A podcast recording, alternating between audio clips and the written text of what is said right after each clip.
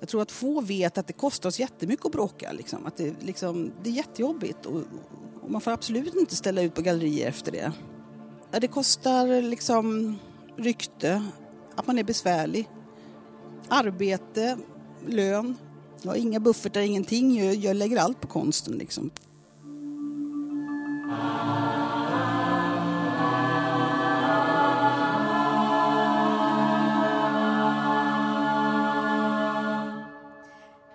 Hej och välkomna till FULs antinationalistiska podcast Tal till nationen. Välkomna till er som är här och följer inspelningen live på Café Trapphuset i Vällingby, Stockholm och ni som lyssnar på podcasten. Det ni lyssnar på är fjärde avsnittet av konstgruppen FULs antinationalistiska podd om konstnärlig frihet där vi bjuder in konstnärer som utsatts för hot, hat eller censur. Och anledningen till att vi gör den här antinationalistiska poddserien det är att vi ser att det sker förskjutningar i demokratin och att framförallt populistiska, fascistiska och nationalistiska krafter arbetar ihärdigt med att försöka stoppa kritiska röster och personer som arbetar för allas lika värde. Vi lever i en tid då rättigheter politiseras, begrepp approprieras och konstnärer inte skyddas av polis och myndigheter. I alla fall inte de konstnärer som arbetar för en mer rättvis värld och för en mindre polariserad verklighet. Jag heter Nassim Aghili, jag är med i FUL och är regissör, dramatiker och konstnär och är programledare och samtalspartner. Och bredvid mig sitter kvällens gäst, fotografen och konstnären Elisabeth Olsson, sedan många år tillbaka också en välkänd queerprofil. Välkommen Elisabeth! Åh, tack, tack snälla! Jag är så stolt att vara här. Underbart. Vi är så glada att du är här. Eh, jag sa ju det när du kom in här att jag var verkligen starstruck. Ja, en det- legend alltså. Oh. Och här sitter jag nu med dig. Det var med fotoutställningen Ecce Homo från 1998 som du blev ett känt namn och, och liksom hamnade mitt i en offentlig debatt om konstnärlig frihet bland annat. Bilderna skildrar ju bibliska motiv ur ett queert perspektiv där Jesus porträtteras i sällskap med hbtqi-personer. Och det här eh, ja, är ju både väldigt, väldigt älskade och ganska hatade bilder som vi ska prata om. Ecce Homo har ju betytt extremt mycket för queers i Sverige. Men utställningen ledde ju också till bombhot, våldsamma demonstrationer och att du personligen också utsattes för hat och hot. Men innan vi pratar om den specifikt Mm. så skulle jag vilja ställa en fråga till dig som jag ställer till alla våra gäster Mm. som vi börjar med. Och det är, vad är konstnärlig frihet? Ja, då, jag kan ju bara prata utifrån mig själv. Men för mig är konstnärlig frihet när inte någon betalar mig det jag gör. Alltså, man måste ju ibland ha, söka bidrag. Jag brukar inte få det, men till exempel om man gör teater så är det ju bra med bidrag. Men eh, jag gjorde en, en stor utställning som jag fick mycket bidrag och jag kände att det, det, det styrde mig väldigt mycket. Så att vara helt fri eh, för mig är att liksom inte någon annan är inne och petar i ekonomin utan eh, jag gör det jag vill. Och då funkar det bäst för mig i alla fall. Och då, då känner jag mig fri. Så det är liksom ihopkopplat med något slags eh, pengasystem. Ja, eftersom konsten har blivit kommersiell idag så är alltså, ja, den har verkligen blivit kommersiell de sista tio åren i min värld. Liksom. Den har väl liksom, finkonsten som hänger på gallerier har väl egentligen alltid varit eh, kommersiell och där händer ju inte så mycket som är politiskt. Liksom. Folk kan ju, liksom, de som har råd att köpa konst, de vill ju inte ha en, liksom, en naken Jesus på väggen till exempel. De vill ju ha någonting som är vackert eller någonting som är lite finurligt som de kanske inte förstår. Tror du alla ville ha naken Jesus på väggen? Nej. Det är inte så. Mm. Men kan du inte berätta lite mer? Det, låter spännande. Alltså, vad, vad är det du har sett förändras under de här tio åren? Sa du? Nej, men jag har sett liksom att eh, unga konstnärer till exempel är så beroende av liksom, sociala medier eller Instagram och att, eh, det är bara där de kan visa sig och göra avtryck och liksom bli känd. Och sen har ju själva liksom kändisskapet också blivit ett stort, stort problem liksom, i konstlivet. Ehm, så att det är en helt annan, det är en annan atmosfär. Och jag menar, när jag var ung så fanns det ju billiga ateljéer och studios. Idag liksom, så måste du ha liksom miljonärer till föräldrar och du ska liksom vara en ung konstnär som får ha en ateljé. För det, hyrorna är så dyra då. Det, det, är många som upplever att det är ett problem att den måste ha ett varumärke. Mm. när den är konstnär, alltså att den är sitt eget varumärke på något sätt. Ja, och när började vi kalla oss för varumärken? Det är också runt 10 år sedan, kanske till och med 15 år sedan. Man börjar snacka att man ska vårda sitt varumärke. Mm. Jag vet första gången när jag gjorde till exempel Ecce Homo, innan då, då var det, det var 1998, då var det kulturhuvudstadsår i Stockholm. Så då tänkte jag det kanske är någon som vill visa de här bilderna, i liksom, någon som kan ha en lokal. Och så gick jag till någon sån här curator som, för det här. Och så sa jag så här, och så visade jag bilderna och så, och så sa han, vad är det här för skit? Vadå religion och konst? Vadå sa du, är du öppen lesbisk? Nej men vad fan, det går ju inte, sa han. Liksom, titta på Andy Warhol, han sa inte ett ljud att han var bög. Det gick jättebra. Håll käften, sa de ungefär. Mm. Och då så kände jag att eh, jag kommer aldrig vilja vara där. Så jag bestämde mig väldigt i den stunden att jag ska alltid vara öppen liksom, om min sexualitet och att det är viktigt för andra då. Ja, det är det verkligen. Det tackar vi dig för. Ja, tack. Mm. Men, och det här var alltså 1998? Då, ja, som du hade precis. det här samtalet. Det är fortfarande lite stökigt att ja, säga att man är lesbisk. precis fråga, ja. hur är det idag? Nej, men det är, egentligen är det likadant. Man ska liksom som konstnär liksom inte prata om sin sexualitet så mycket. Varför är det så, tror du? Ja, det är ju för att liksom på något sätt så har hela queerrörelsen liksom från heteronormens öga blivit något politiskt. Förut var det en kamp. Liksom. Eh, till exempel när jag gjorde Ecce Homo, nu tjatar jag om den här utställningen men jag, kan, jag är tvungen att referera till den eftersom det är 23 år sedan. Det går inte att prata för mycket om den. Nej, vi, vi, vi får bestämma oss för det. Men på den tiden så var Sverige egentligen lite modigare då, var inte, då kallades det inte för en politisk utställning. Men idag är Ecce Homo en politisk utställning. Och även den senaste jag gjort som heter ID Trans om transpersoner. Där har ju till och med en chef för ett museum i Värmland sagt liksom att eh, det var på håret vi kunde ta den här utställningen. För den, det står i våra stadgar att vi inte får ha politiska utställningar.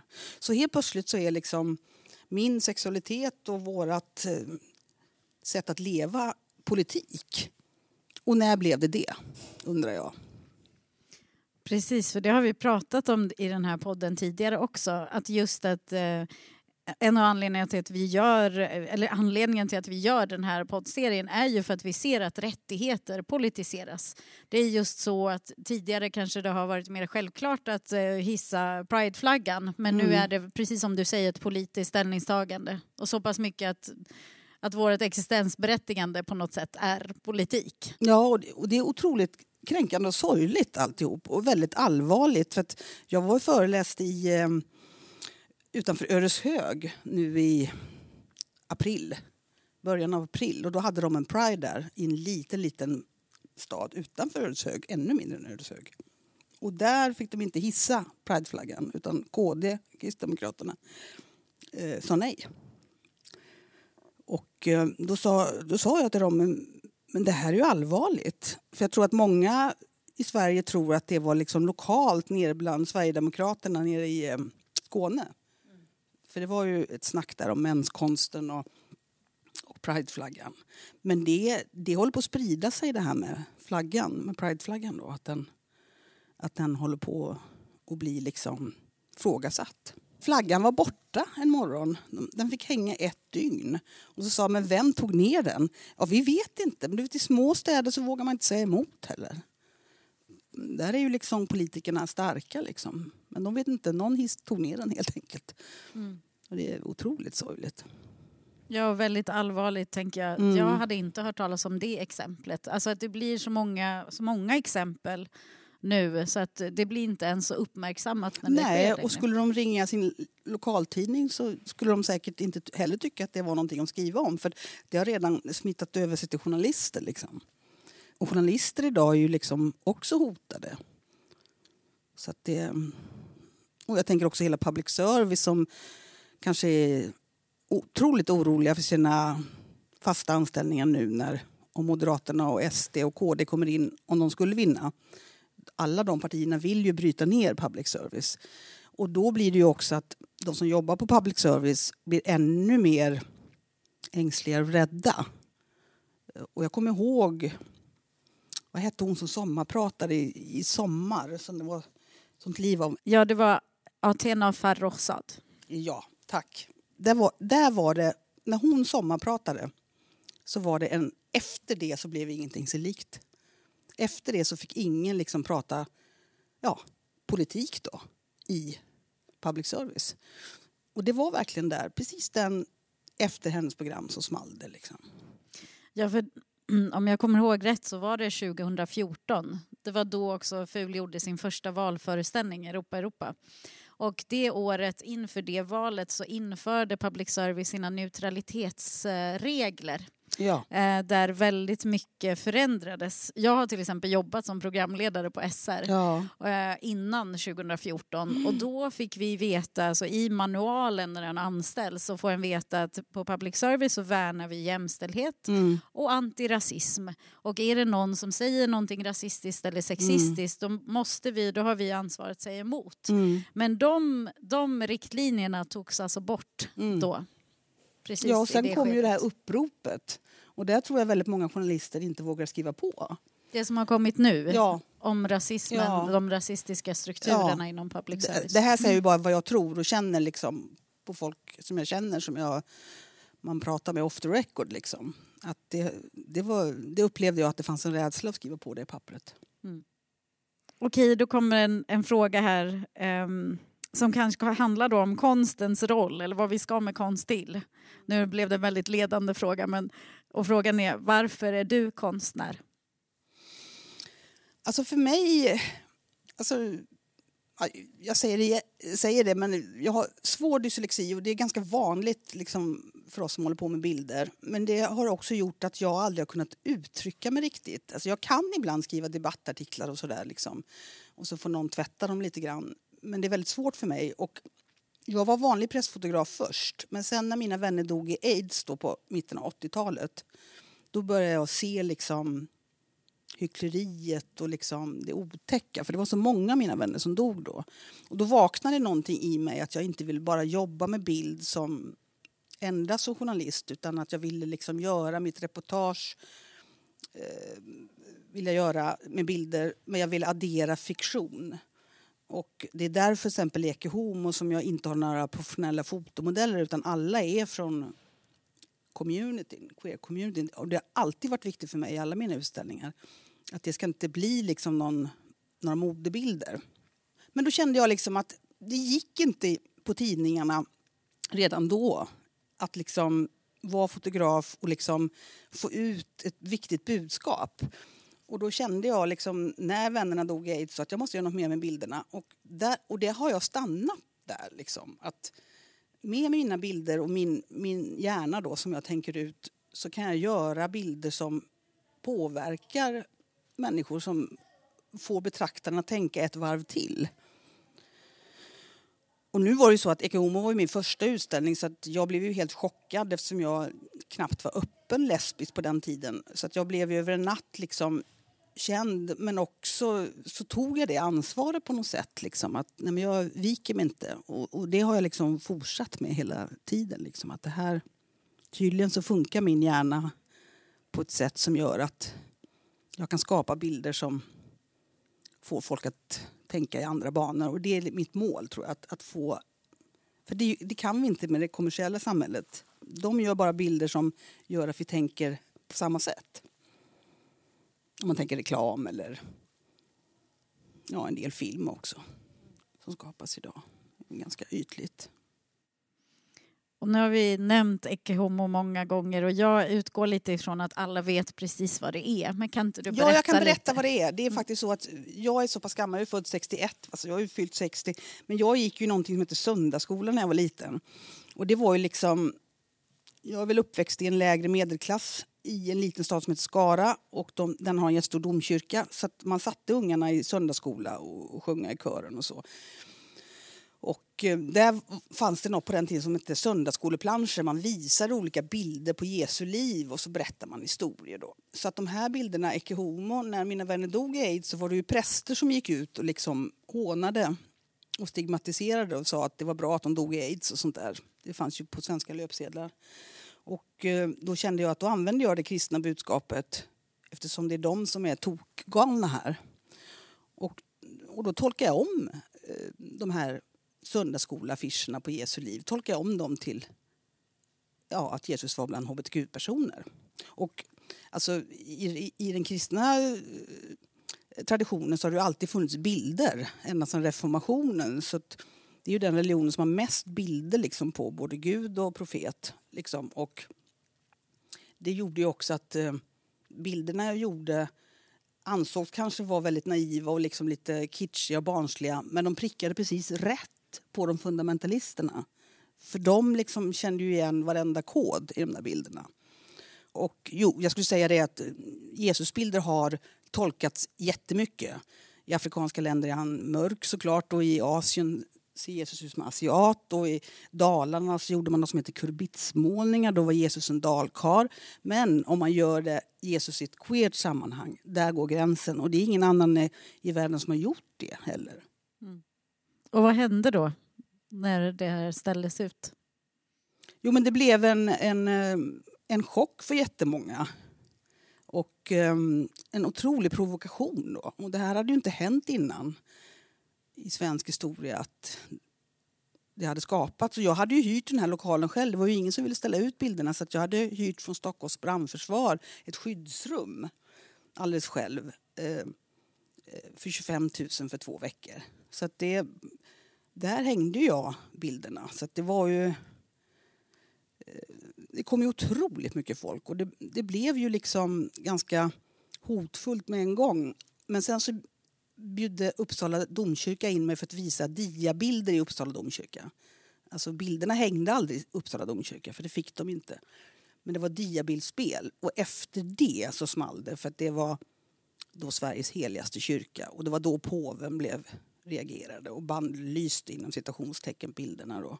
Och efteråt ville då fundamentalistiska kristna att man skulle ta dit Anticimex och blåsa rent hela, det här är faktiskt sant, hela domkyrkan och så skulle man återinviga den igen. Så det var väldigt eh, chockartat. Och det var ju liksom, så fort bilderna visade så var det bombhundar som genomsökte hela lokalerna. Då. Alltid. Mm. Och hur var stödet från eh, andra konstnärer, alltså kulturfältet? Kulturfältet var... Länsmuseum ställde ju ut och tyckte att det var viktigt på den tiden. Och, men konstnärsstödet var...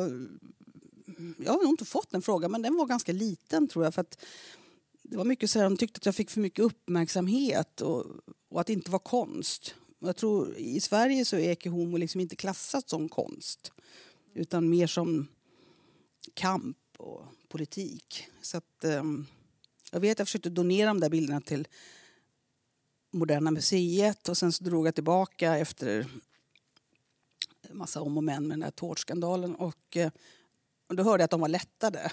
Att de slapp att ta Homo. Så att, um, ja. Kan du förklara vad, vad det är för tårta på Moderna? Ja, ja, det var en händelse som en konstnär som heter Makode Linda han gjorde en eh, stor marsipantårta eh, av sig själv. Eh, och det var flera tårtor som fanns där. Men han hade gjort en av en svart kvinna. Eh, och så var hans huvud inbakad där i marsipan. Och när man skar i den svarta kvinnans nakna kropp så skrek han. Och då kom kulturministern och skar i låret och tog en tårtbit. Grejen var att liksom hela händelsen blev så absurd, för det fotograferades ju, för det var ju fullt med vita människor, kulturfolk som stod och drack liksom kaffe och skar i den här svarta kvinnan i marsipan. Så för mig var det en chock då. och eh, jag tyckte att eh, hade egentligen inte med konstverk att göra men själva händelsen blev så sjuk liksom att kulturministern stod där och skar i kroppen. Det blev helt fel. Liksom. Och då hade jag donerat eh, Ecce Homo innan och då så drog jag tillbaka det efter det för att jag var lite sur där ett tag och tyckte att det... Men sen kom jag i en annan situation efter det, liksom att jag var tvungen också och det var också ganska komplicerat, liksom, att jag var tvungen också försvara andra konstnärer som jag inte höll med. Och det är nog det svåraste jag har gjort, eh, tror jag. Eh, att liksom gå in med mitt namn, liksom att... Eh, jag säger att man, man får skapa det här i Sverige. Så det vet jag. När jag försvarade till exempel Lars Vilks så fick jag mycket kritik av mina vänner. Och än idag får jag det. Men jag har sagt att jag, men i, i början var jag väldigt emot rondellen men sen var jag liksom tvungen eftersom jag själv då ansåg mig få visa så jag var tvungen att gå in liksom och prata om de andra konstnärerna. Fast jag kanske inte riktigt höll med om konsten så var det ändå konst, eller liksom det var någonting som påverkade Sverige då. Så, men det, det var tufft faktiskt. Men sen bestämde jag mig för att jag behöver inte ta ansvar för allting. Men ibland så vänder sig media till mig när de vill ha uttalande för att jag har då gjort konst som då har provocerat religiösa tror jag. Alltså det, mm. Men nu, nu drar jag ett streck tror jag på det. Behöver inte. Mm. Jag försvarar bara mig själv. mm. Ja men jag tänker Ecce Homo var ju um Eh, ja, jag kan verkligen förvånas över också att det inte blir ett massivt stöd när den till och med blir på något sätt attackerad av påven. Eh, det tänker jag, då, då, tänker jag att alla konstnärer och kulturfältet borde liksom, eh, bara samlas eh, och sluta upp. För jag tänker att du utgick ju också från att du, du Ja, det var ju precis som du beskrev det, skildringar av eh, bibliska motiv som du hade en egen relation till. Ja, alltså det var precis, också din det. religion. Ja, jag brukar säga att jag är kulturellt kristen. Ut, när man utreser så säger folk I'm, um, I'm culture, muslim, culture Jewish. I Sverige säger man inte det. Liksom. Men ibland är det bra att ta till det. Liksom. För jag är uppväxt så liksom, och kan den religionen. Och det var effektivt att använda de bilderna men, men eh, det är fortfarande tabu att blanda religion och, och hbtqi. Det är det. Mm. Eh, tror du att Ecce Homo skulle kunna göras idag? Nej, jag tror inte det. Jag tror inte jag hade fått samma uppslutning av museer till exempel att visa bilderna. Det tror jag inte. Det är för oroligt nu liksom och just att det anses vara politiskt. Mm. Och men, för du berättade ju då att du, alltså men det här museet i Värmland som hade sagt att ja, men det var på håret att vi kan visa den här mm. utställningen mm. för att den är politisk. Och, var, var det deras riktlinjer som hade Ja, och det har, det har förskjutits det där på länsmuseerna för att det är ju politiker som är med där i dem och bestämmer och ger dem pengar också. Och då eh, är då de som blir chefer de lyssnar ju då på vad politikerna säger. Det här ska ni visa och det här ska jag visa. Och jag vet inte om jag inbillar mig eller om jag är konspiratorisk men jag tycker att det är liksom mer Karl och grejer nu på museerna. Liksom. Att man börjar se det här nationalistiska eh, städade konsten, att det är det folk vill se. Mm. Men är det fler museer till exempel som har eh, haft svårt för att ställa ut din konst? Jag märkte det på ID Trans nu att det var liksom, jag tror bara var fyra museer som ville ställa ut den. Det brukar vara liksom 10, 10 12 olika museer. Men den här, det här var känsligt. Och eh, jag kunde bara tolka det på ett sätt. Och sen så märkte jag i Eskilstuna när jag skulle ställa ut, men det var en blandutställning, eh, alltså blandade verk på konsthallen i Eskilstuna. Då tog ju museichefen dit en säkerhetsrådgivare som gick igenom bilderna om det kunde hänga uppe. Och då, då skvallrade jag för en stor dagstidning i Sverige och så skrev man om det, tack och lov. Eh, och det där är jobbigt för mig, att alltid vara den besvärliga konstnären som skvallrar för media. Men för mig är det liksom min plikt. Det var likadant, jag gjorde en utställning som heter Jerusalem som handlar om, om hbtqi i Jerusalem och Palestina. Och eh, där fick vi en av bilderna tas ner. Och, eh, den hängde alltså i en utställning som heter Jerusalem på Världskulturmuseet i Göteborg 2010. Och där hade jag också gjort en bild. Det var ju också religiösa bilder. Ehm, det var en eh, israelisk soldat, ish, man skulle kunna tolka det som det, som tvagade en palestiniers fötter. Och den bilden var så pass laddad så att israeliska ambassadören kom till museet och gjorde påtryckningar. Så att det är liksom... Och det var ganska långsökt, men, men det är så med mina bilder ibland. När de, när de betraktas av normen så är det precis som folk lägger in ja, för mycket helt enkelt. Men kan du berätta hur det gick till då? Var, gjorde de en sån där säkerhetscheck igen? Då ja, i Eskilstuna. Ja. ja. där gjorde de en säkerhetscheck eh, om vad som skulle kunna hända med olika bilder. Men eftersom jag skvallrade för en stor dagstidning så la de sig lågt så att alla fick ju hänga uppe. Men det där i Världskulturmuseet, där blev jag ju nedkallad till polishuset med... Eh, och när jag öppnade dörren där så var det tolv stycken från Säpo, underrättelsetjänst och vanlig stadspolis. Och tack och lov så spelade jag in det samtalet i smyg. För jag skvallrade ju där också vad de hade sagt. Och då förnekade de det. Men då gav jag tidningen min inspelning. Och då hade de gjort, de gjorde alltså påtryckningar liksom att eh, är det, är det, måste du gå så här långt och är det så ni konstnärer vill ha det liksom. Och, ja, det, var, det var obehagligt, men det var 2010. Men vad var de rädda för då, eller oroliga? Ja, då var de rädda för um, terrorister i, mer från islamistisk håll då, den gången. Och för mig betyder den bilden att det finns kärleksrelationer mellan hbtqi-personer eh, emellan liksom, konflikten. Mm. Men det, det, kan inte tydligen alla ta in. Liksom, så det, det är frustrerande ibland. Men det, men var det där du fick träffa också Säpo och poliserna? Ja, det var in, in, innan den utställningen. Och det slutade med att de gjorde sådana pass påtryckningar så en bild togs ner då. Och det är tre homosexuella män och en, de är på en bönematta en av dem. Och den är tagen ganska nära klippmoskén i ett hem. Och den ena killen, jag tog av t-shirtarna på alla tre killarna för att man ska förstå att det är homosexuella män. Och eh, den ena har handen på axeln.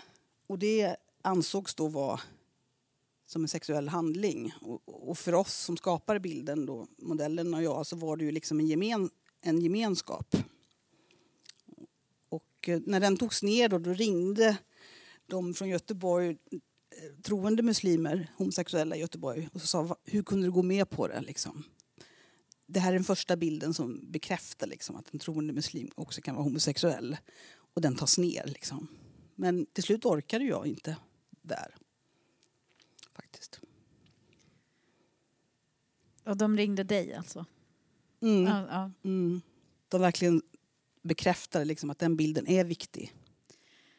Jag, tänker, jag har läst en text som du har skrivit där du eh, beskriver, jag vet inte om det är den här situationen med mm. polisen, men där du blir anklagad eh, för att på något sätt utöva våld som konstnär för att du riskerar att eventuellt skulle kunna komma våldsamma attacker eh, på en utställning. Mm. Jag tänker mycket, för att i första avsnittet av den här podden så pratade vi också med Carolina Falkholt ja. om en situation där Carolina blir anklagad för att göra något så farligt så att det riskerar andras liv. Mm. Um, jag, jag hörde det och det är så skrämmande. Mm. Ja, jag tänker vilket ansvar vi konstnärer får ta. Mm. Alltså att för att Ja, det är som att vi utpekas då, eller mm. ni då, du och Carolina i det här fallet, då, utpekas som våldsverkare. Ja, för att vi är besvärliga liksom. Och det, och det, är jobbigt att stå upp för det liksom, och gå emot. Liksom. Och, och många upplever, tror jag, både Carolina och jag, att vi liksom vill ha uppmärksamhet och publicitet. Jag tror att få vet att det kostar oss jättemycket att bråka. Liksom. Att det, liksom, det är jättejobbigt. Och, och man får absolut inte ställa ut på gallerier efter det. Vill du säga något mer om vad det kostar? Ja, det kostar liksom arbete, lön, rykte, att man är besvärlig. Så att um, många tror liksom också att man är rik bara för att man syns i tv eller media. Liksom. Men jag är liksom... Jag har inga buffertar, ingenting. Jag, jag lägger allt på konsten. Liksom. Så det är, jag tror folk blandar ihop korten, liksom, både för Carolina också. Liksom, att så fort det är något stök där så ah, nu ska hon böka igen. Liksom. Och så tycker de om mig också. Nu ska hon böka och, igen. Jag känner igen det där också, att jag tror att vi, vi är många som inte är vita som känner igen också den där från att när en pekar på rasism så blir det en själv som är jobbig. Ja, just det. Alltså Precis. så här, Åh, nu, nu ska du prata om rasism och då kanske det blir en jobbig situation med Mm. rasisterna. Mm. Alltså så att, eh, så att den vänder... Det är helt bakvänt. Ja, ja, verkligen. Ja. Mm. Varför blir det så, tror du? ja, det är ju liksom... Ibland kan jag uppleva Sverige som... Ja, vi är liksom lite... Fjuttiga liksom det här med... svenskar reser oftast till liksom Thailand och Kanarieöarna och liksom så åker den hem och så säger den jag har sett världen. Och och det är ju länder där de, röda mattan liksom rullas fram och eh, de är behandlade som kungar och inget kostar något och eh, folk är fattiga och lever på turism. Det känns som Sverige är ett land ibland som inte är så erfar, erfaren av olika kulturer på riktigt. Alltså, i, I djupet så känner jag att det är ett glapp. Liksom. Till exempel under andra världskriget var vi ju det här, det är ju väldigt aktuellt nu, men liksom att vi var neutrala. Liksom. Men Sverige var ju ända fram till 43, 45 blev ju freden då. Vi var liksom otroligt tyskvänliga, otroligt nazistiska. Hela vårt kungahus var ju det. Jag gjorde en bild om det sen. Men liksom Tyskland och många andra länder som hade svår nazism, de tvättade ju och, och massor och arbetade med detta. Men Sverige gjorde inte det. Och det är ungefär som Italien. Italien är ett land där fascismen aldrig sover. Den kan blomma upp när som helst. Och på något sätt så tycker jag Sverige var så också. Att vi tvättar aldrig upp den pinsamma nazism som frodades i Sverige under den här tiden. Och då, om den inte får liksom bearbetas, då kan den ploppa upp när som helst. För den ligger redo liksom. Håller den på att ploppa upp nu? Ja, nu är den upp. Den har ju liksom stuckit upp långt utanför löken. Liksom. Upp. Jag tycker det är jätteotäckt för det går ganska fort. Och eh, i detta fallet är det då fascism vi pratar om och eh, högerextrema. Och det håller på att bli norm liksom. Ja, men jag, jag tänker att det här hänger ihop med det som vi också säger i det här antinationalistiska projektet Tal Mm. till nationen. För vi märker ju också att, det, att nationalismen eh, lever ju och frodas. Alltså, Ja. Det är en extremt, an- en en extrem, extremt nationalistisk tid vi lever i. Eh, men att det är väldigt svårt att prata om hotet. Mm. Alltså den här, eh, de här förskjutningarna i demokratin Ja, vi som vaggas finns. ju sakta in i förskjutningarna. Mm. Alltså det, det, vi vaggas ju in liksom allt ifrån vad som erbjuds liksom för kultur, till exempel. Och vikten av kultur. Alltså kultur är ju ett av de farligaste som finns för en, en högerextrem politiker. För den är ju fri. Alltså ska ju vara fri. Och den behöver inte följa några publicistiska lagar och sånt som tidningar och annat måste göra med ansvariga utgivare och så. Och det är ju där just konsten är så förbenat viktig liksom. Och den måste frodas och, och eh, för att få folk att tänka åt olika håll. Och, och nu går jag tillbaka till andra världskriget men det första Hitler och de gör det är ju att ta bort konsten. Och det, och, och det tror jag vi är lite naiva och inte fattar här i Sverige. Liksom. Så det är därför också vi ser den här förskjutningen mot konstnärer. Är vi konstnärer bra på att prata om det här? Nu sitter du och jag och pratar om det här, men hur, hur, hur ser det ut? Finns det, tycker du, ett samtal om de här förskjutningarna och det här hotet mot konstnärlig frihet som vi vittnar om? Finns det samtalet bland konstnärer? Jag tycker inte jag hör det så ofta. Liksom. Eh, Jag hör liksom, till exempel den här museipersonalen. Uppe i Gävle var det någon som sa som jobbade där. Alltså, för de hade fått påtryckningar lite grann politiskt. Ja, fortsätter det åt det här hållet så kommer jag säga upp mig. Det var nog fem år sedan tror jag. Och, ehm, Vad Så- menade de med fortsätter det så här? Ja, att politikerna lägger sig i vad som visas på museet. Och museet är ju precis som biblioteket. Alltså det, biblioteket är en otroligt viktig grej inne i ett, i ett demokratiskt samhälle. Och det är också museet är också en otroligt viktig eh, del. Och när det börjar påverkas då så då är det otäckt, tycker jag. Ja, för då, det, det, det är det här också luddiga begreppet armlängds avstånd som inte riktigt har en supertydlig definition har det visat Nej. sig eh, i de få forskningsrapporter mm. och utredningar som har gjorts om armlängds avstånd i Sverige mm. så har det ju visat sig att det tolkas extremt olika. Mm av olika regioner och kommuner mm. och mm, tjänstepersoner. För jag har tänkt på det där, politiker har en tendens att alltid liksom använda olika uttryck. Nu ska man säga en armlängds avstånd och då ska vi alla förstå vad det är. Och de förstår att man måste följa det. Det är ingen diskussion om vad det betyder. För politiker idag är väldigt mediatränade. Man får ju aldrig liksom ärliga svar av en politiker idag. Liksom, så att man vet ju inte om de, om de förstår. Nej, för jag tror ju att det är så. Jag tänker att om en eh, eh, eh, faktiskt går in och styr konsten på det här sättet, mm. att eh, ändra riktlinjer eller så, då mm. vet den ju inte riktigt vad armlängds avstånd är. Nej, som ju är ändå, som jag förstår det, en mm. princip som ska skydda konsten från direkt politiskt mm. inflytande. Alltså att politiker inte kan gå in och bestämma innehållet. Nej. Det finns ju alltid sådana slags ekonomiska ramar eller mm. eh, geografiska ramar eller mm. sånt som sätts såklart. Eh, i hur vi eh, på något sätt visar, presenterar, upplever konst. Mm. Eh, men att den ändå inte får gå in alltså, och ha åsikter mm. om det innehållet. Mm.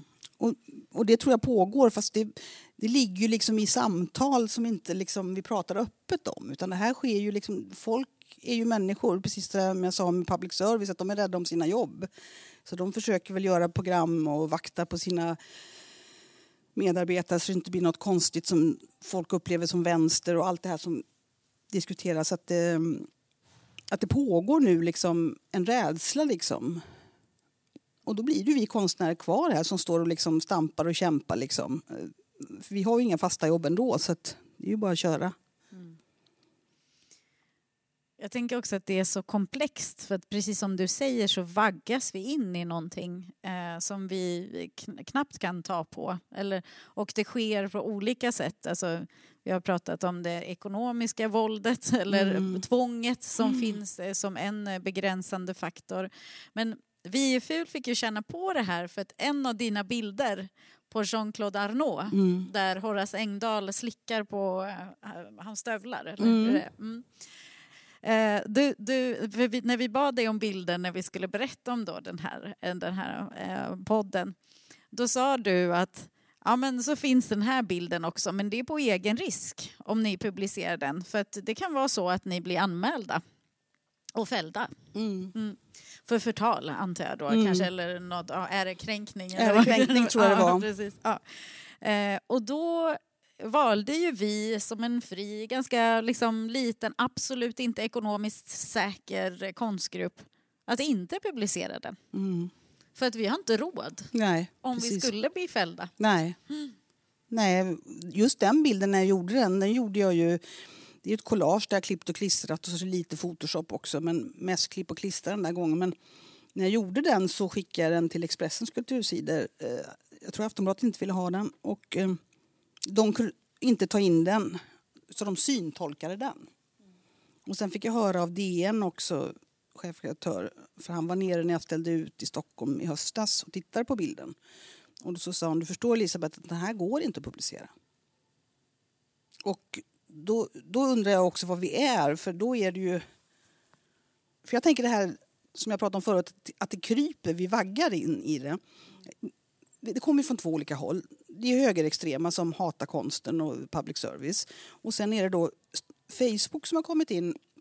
Jag vet i början när Facebook började censurera eh, idag får man inte publicera en marmorstaty i Italien från 1700-talet som har ett bröst. För den plockas bort och man kan bli avstängd. Och jag är ju också hotad att bli avstängd på livstid och då har inte jag Messenger eller någonting så att jag liksom slutade visa bilder där. Och i början så skrek vi konstnärer, och liksom, eller bildskapare eller liksom opinionbildare. Men de tog bort bilden.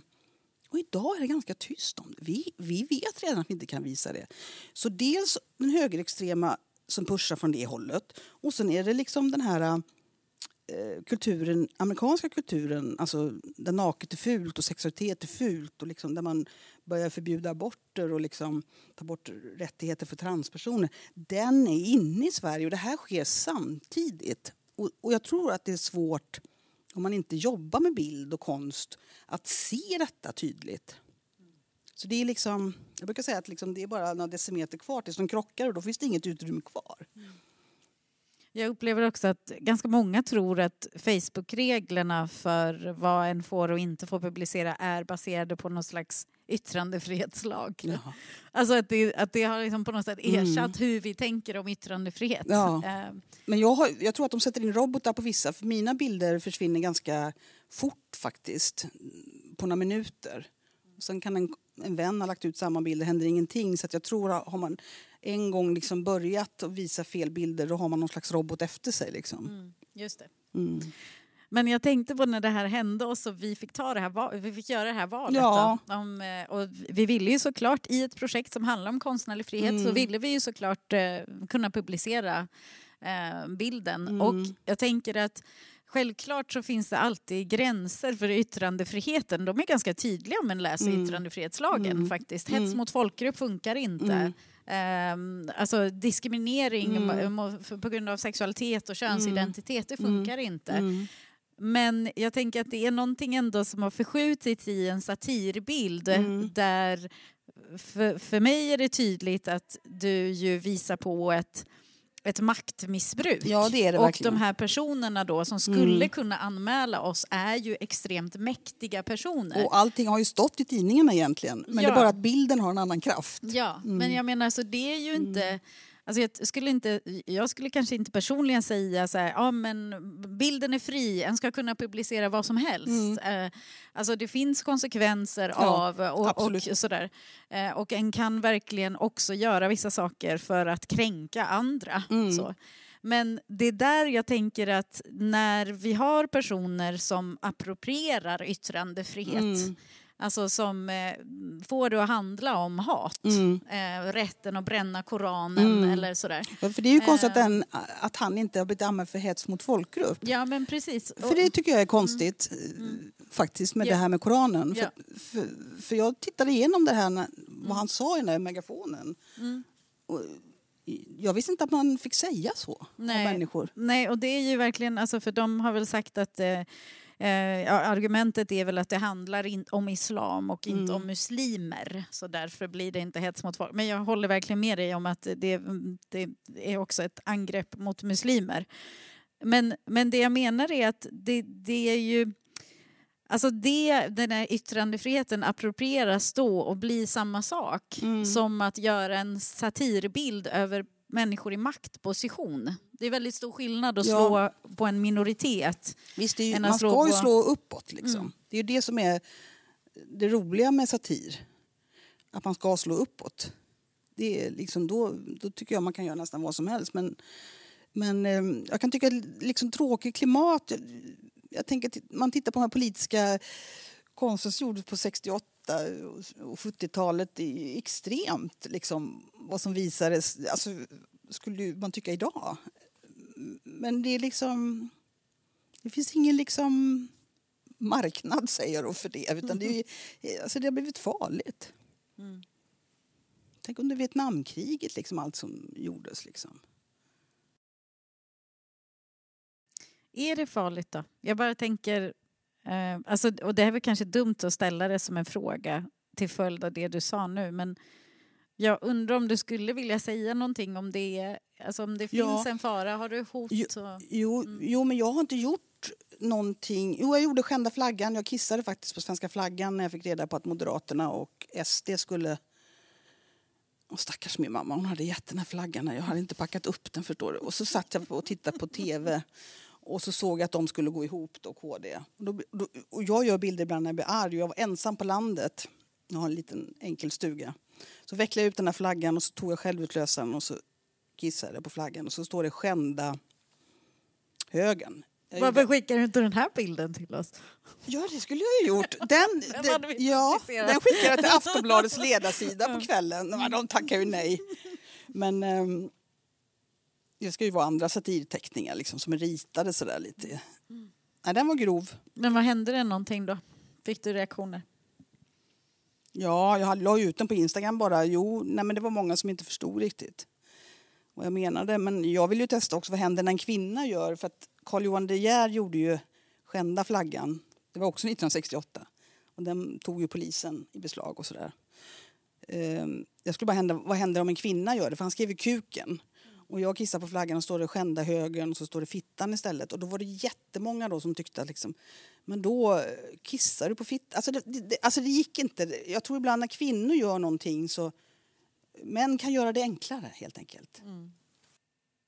Ja, för Carl Johan De Geers verk är ju verkligen en av Sveriges mest kända konstnärer. Ja, jag har inte gjort något sen, egentligen sen eh, jag gjorde den här satirbilden om eh, vad heter det? Eh, Svenska Akademin. Den här eh, skända flaggan som jag gjorde den är ju liksom mer en liten Instagram-post. Liksom. Mm. Men jag har liksom inte orkat göra mer så jag är tyvärr tystad. Vad är det du inte orkar? Vill du prata om det? Nej men jag orkar inte liksom eh, eh, få, alltså missuppfattas hela tiden. Och tystad liksom på det sättet att det är så bökigt att göra bilder. Det går inte att visa ändå. Alltså, jag kanske har en paus. Jag hoppas att kommer tillbaka men det känns som den här liksom gnistan liksom att, att när jag äntligen lärde mig provocera uppåt då, då tog det slut. För då gick det inte. Men eh, ja, jag kommer väl igen och ibland känner jag så här, nej men nu får någon annan ta över liksom. Men sen så kommer det någonting som händer och så vill jag skapa någon bild. Men jag har faktiskt inte riktigt gjort någon stor utställning eller någonting liksom på flera år. Har du också eh, hot och hat från Men så länge jag inte gör något så är det lugnt. Det är det faktiskt. Men om Ecce Homo visas någon gång och sådär då kan det komma lite hot. Men jag, folk har det mycket värre än vad jag har det. Så att, eh, Alla säger så. är det så? Mm. Till exempel så är det ju få konstnärer som eh, polisanmäler Ja, jag, hat och hot. jag, jag gick ju faktiskt... och Polis, eller, jag, jag polisanmälde inte, jag tog en nummerlapp och kände mig lite hotad eh, när jag visade bilder sist i Stockholm. Och då kom jag på det liksom, att här står man som konstnär och tar en nummerlapp hos polisen. Så jag känner det är lite rörigt här nu. Och då vet ju de ingenting om mig såklart. Och då kom jag på att polisen borde ha en avdelning som var lite expert på konstnärer och journalister och, eh, författare och sånt där. Så när någon kommer och tar en nummerlapp till polisen och en konstnär eller författare och säger jag känner mig, det, det är något som inte stämmer. Då ska de kunna ringa till den här expertgruppen. Nu står den och den här. Vet ni vad den personen har gjort innan? Det funkar inte. Som, man får inte det skyddet liksom. Och nu när du har börjat visionera, för det där tyckte jag var ett så otroligt bra förslag. Hur skulle det se ut om du fick drömma om eh, konstnärlig frihet? Ja, det är att politikerna skulle förstå vad det betyder och vad konsten verkligen betyder. Och det betyder liksom att eh, min dröm skulle vara att det fanns liksom billiga ateljéer. De skulle ligga centralt. De skulle liksom ligga också liksom utanför centrum också, men de skulle vara gravt subventionerade. Det skulle liksom synas ut mot gatorna. Liksom det, det skulle finnas mer utställningslokaler. Ehm, Alternativa. Nu finns det liksom bara Moderna Museet och Kulturhuset och liksom eh, Fotografiska och, och där är ju allt så städat. Så det finns inga alternativa liksom, utställningsplatser ens. Det är också en dröm. Men, men mycket att politikerna, jag måste säga att de förstår inte riktigt vad konst är. Och hur brett det är och hur djupt det går ner i ett samhälle. Jag skulle önska för, liksom, att de verkligen fattade det. 1973 så gjorde de en sån här kulturproposition, heter det väl va? Kulturproppen 1974. Och den gjorde man för att försvara konsten mot kommersialism. Ja, precis. De kulturpolitiska målen. Ja. De så? Den tänker jag jättemycket på. Att, vad hände liksom? Och då, det enda jag får fram till är att politiker förstår inte kultur. Fler önskemål? Om jag ska säga det, liksom, det är egentligen inget önskemål men jag kan tänka så här, liksom, det är så sorgligt när jag tittar på hbtqi-rörelsen då, då får man alltid höra att man är liksom gammelfeminism eller sånt där liksom. Men man går in på Pride idag, då är det liksom stora sponsorer liksom. Det kan stå stora mm, såna här mobilföretag och liksom, helt, liksom jättestort liksom. Och, och då känner alla igen sig, alla unga. Liksom. Oh, det här på riktigt. Liksom. Då är det rosa pengarna som är igång. Liksom. Och, och där får ju inte kampen plats. Eh, det, det är liksom, eh, jag skulle vilja att det, liksom, eh, ja, att det var en större diskussion om det, vad, vad det leder till. Liksom. Och det är då som man kan bli eh, huggen i ryggen. När man inte ser, förblindas av det här kommersiella. Då, då kan lagar komma helt plötsligt och ta bort vissa rättigheter. Jag tror att det är så. Vad skulle du göra för konst, Elisabeth, om konsten var helt fri?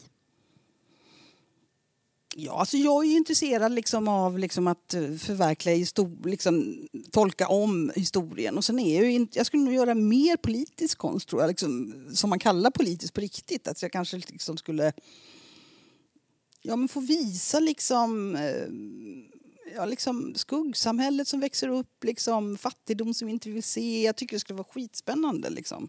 Men jag är ju inte gjord av pengar heller. Liksom. Det är ingen som, man kan ju inte söka till Kulturrådet för Jo, men du grejer. är gjord av pengar i den här frågan. Mm. Den, är, den är helt fri. Mm. Jaha, ja, just det. Men, ja, men jag, jag skulle nog... Eh, jag är väldigt intresserad av, liksom, eh, av orättvisor, helt enkelt.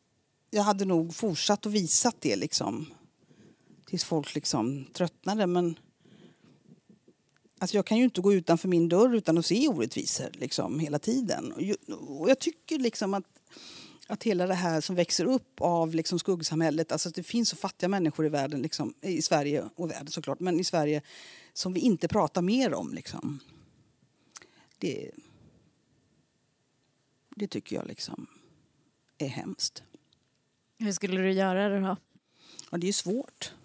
Antingen så blir det dokumentärt och stora bilder. Eller så liksom, eh, skulle jag vilja jämföra det då med... Liksom, överklassen är ju så svår att fota, de släpper inte in. Liksom.